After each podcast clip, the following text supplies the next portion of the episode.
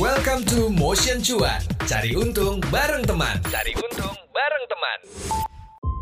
Suka dengerin true crime berdasarkan kisah nyata dari seluruh penjuru dunia? Dengarkan podcast Tinggal Nama yang diangkat dari cerita kriminal majalah Intisari. Persembahan video by KG Media dan Intisari di Spotify. Saat semuanya sudah terlambat.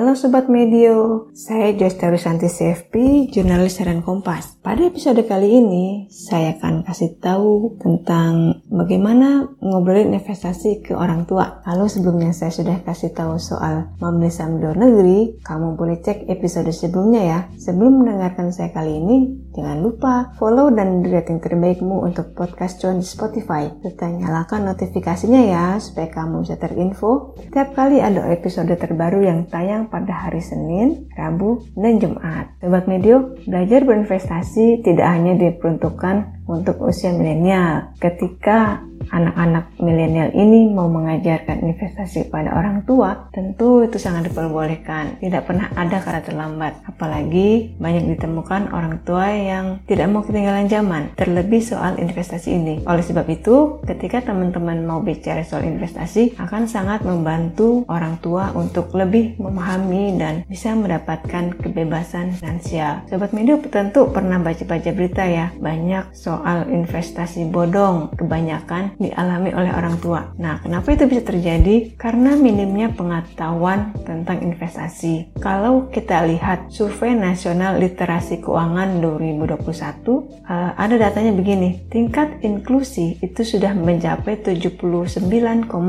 persen. Sementara tingkat literasi keuangan secara umum hanyalah 38 persen. Lebih khusus lagi, tingkat literasi pasar modal cuma 5%. Coba bayangin, itu apa sih artinya angka-angka itu? Artinya gini Sobat Medio, di antara 100 orang, ada 79 orang yang sudah terpapar soal produk keuangan. Paparan ini bisa dilihat dari TV, dari internet, bahkan dari WhatsApp grup ya, dan dari sosial media. Itu banyak sekali soal investasi. Sudah banyak sekali orang yang terpapar soal investasi ini. Tetapi tingkat literasi atau pemahamannya cuma 38%. Jadi, di antara 100 orang itu yang terpapar 79 orang, yang paham itu cuma 38 orang secara umum ya. Ini produk keuangan secara umum. Nah, khusus produk di pasar modal dari 100 orang itu yang paham cuma 5. Tidak heran ya sobat medio, mau aja ditawarin produk ini, produk itu, diiming-imingi imbal hasil sekian persen, tapi sebenarnya mereka tidak paham karena mereka belum mengetahui tentang investasi. Balik lagi ke niat teman-teman untuk memperkenalkan soal investasi. Caranya gimana sih? Pastikan orang tua kita tuh nyaman ketika bicara. Karena terus terang aja, mungkin zaman orang tua kita investasinya itu cuma logam mulia, tanah. Paling banter itu aja. Mereka tuh belum tahu yang namanya saham, yang namanya obligasi,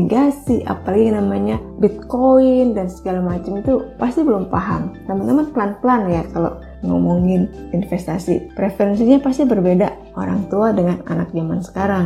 Teman-teman bisa masuk dari investasi yang sudah dikenal sama orang tua. Misalnya orang tua itu e, nyaman menyimpan di emas, ya nggak apa-apa, biarin aja tapi didorong untuk menyimpan secara teratur, lebih tertata lagi gitu. Menyisihkan bukan menyisakan. Kenalkan juga yang namanya platform jual beli emas secara daring. Sekarang udah ada kan banyak ya platform jual beli emas secara online itu gampang sekali dan teman-teman tidak perlu takut kehilangan. Nah setelah emas mungkin teman-teman bisa berlanjut nih melakukan investasi reksadana tentunya yang risikonya rendah seperti reksadana pasar uang itu bisa digantikan sebagai menyimpan uang kita menggantikan deposito. Biasanya orang tua udah paham nih deposito. Coba dikenalkan dengan alternatif lain yaitu reksadana pasar uang. Kenalkan bagaimana kelebihannya, fleksibilitasnya, returnnya juga lebih besar daripada deposito, pajaknya nggak ada. Kalau reksadana kan bukan objek pajak ya. Kalau deposito masih ada pajaknya. Lalu mungkin bisa nanti dikenalin lagi ke obligasi. Jadi bertahap ya teman-teman ya. Seperti bayi yang belajar mengunyah kan pelan-pelan. Enggak ujuk-ujuk ujuk langsung makan steak gitu. Pasti makan bubur dulu.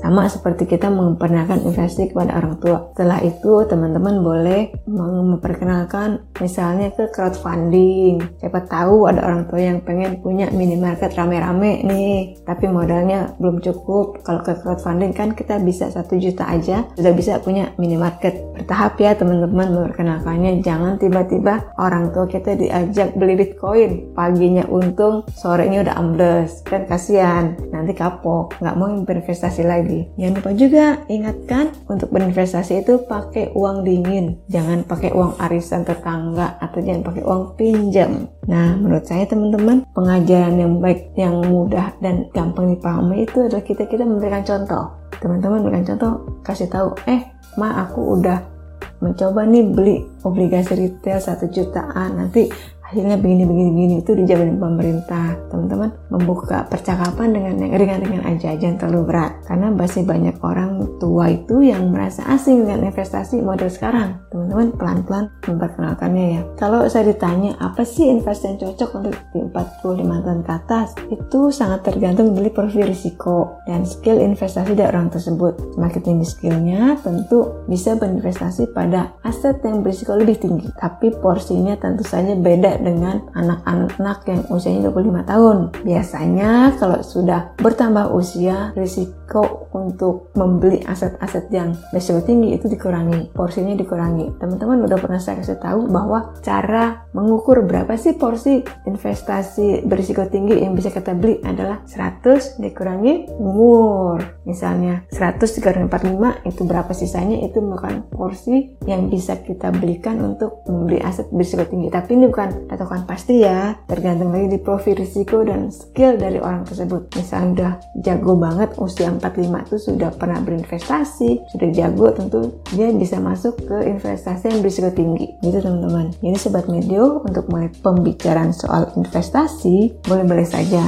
sampaikan pada orang tua kita keunggulan investasi apa pengalaman apa yang sudah kita dapatkan dari berinvestasi keuntungannya apa. Mungkin teman-teman bisa coba buka oh ma aku kemarin beliin uh, hadiah lebaran atau hadiah Natal ini dari uang hasil investasiku loh aku udah beli reksadana aku beli saham dan itu udah untung dibelikan untuk uh, hadiah buat mama. Jadi gimana? Mama mau nggak nih ikut berinvestasi? Kira-kira begitu. Secara bertahap ya teman-teman. Dan lihat situasi juga apakah orang tua emang lagi enak untuk dan diajak uh, bicara soal investasi. Terima kasih buat kamu yang sudah mendengarkan episode cuan kali ini. Jangan lupa ya untuk follow akun Medio baik KG Media, juga Instagram saya di Joyce 2014 dan juga Instagramnya Harian Kompas. Kirimkan juga saran ke email podcast at kgmedia.id dan dengarkan terus podcast Cuan di Spotify untuk mendengarkan inspirasi menarik lainnya soal pengelolaan keuangan, investasi, dan aktivitas finansial lainnya. Saya Joyce Taulisanti CFP, Jurnalis Harian Kompas. Pamit dulu ya. Tunggu episode berikutnya. Bye.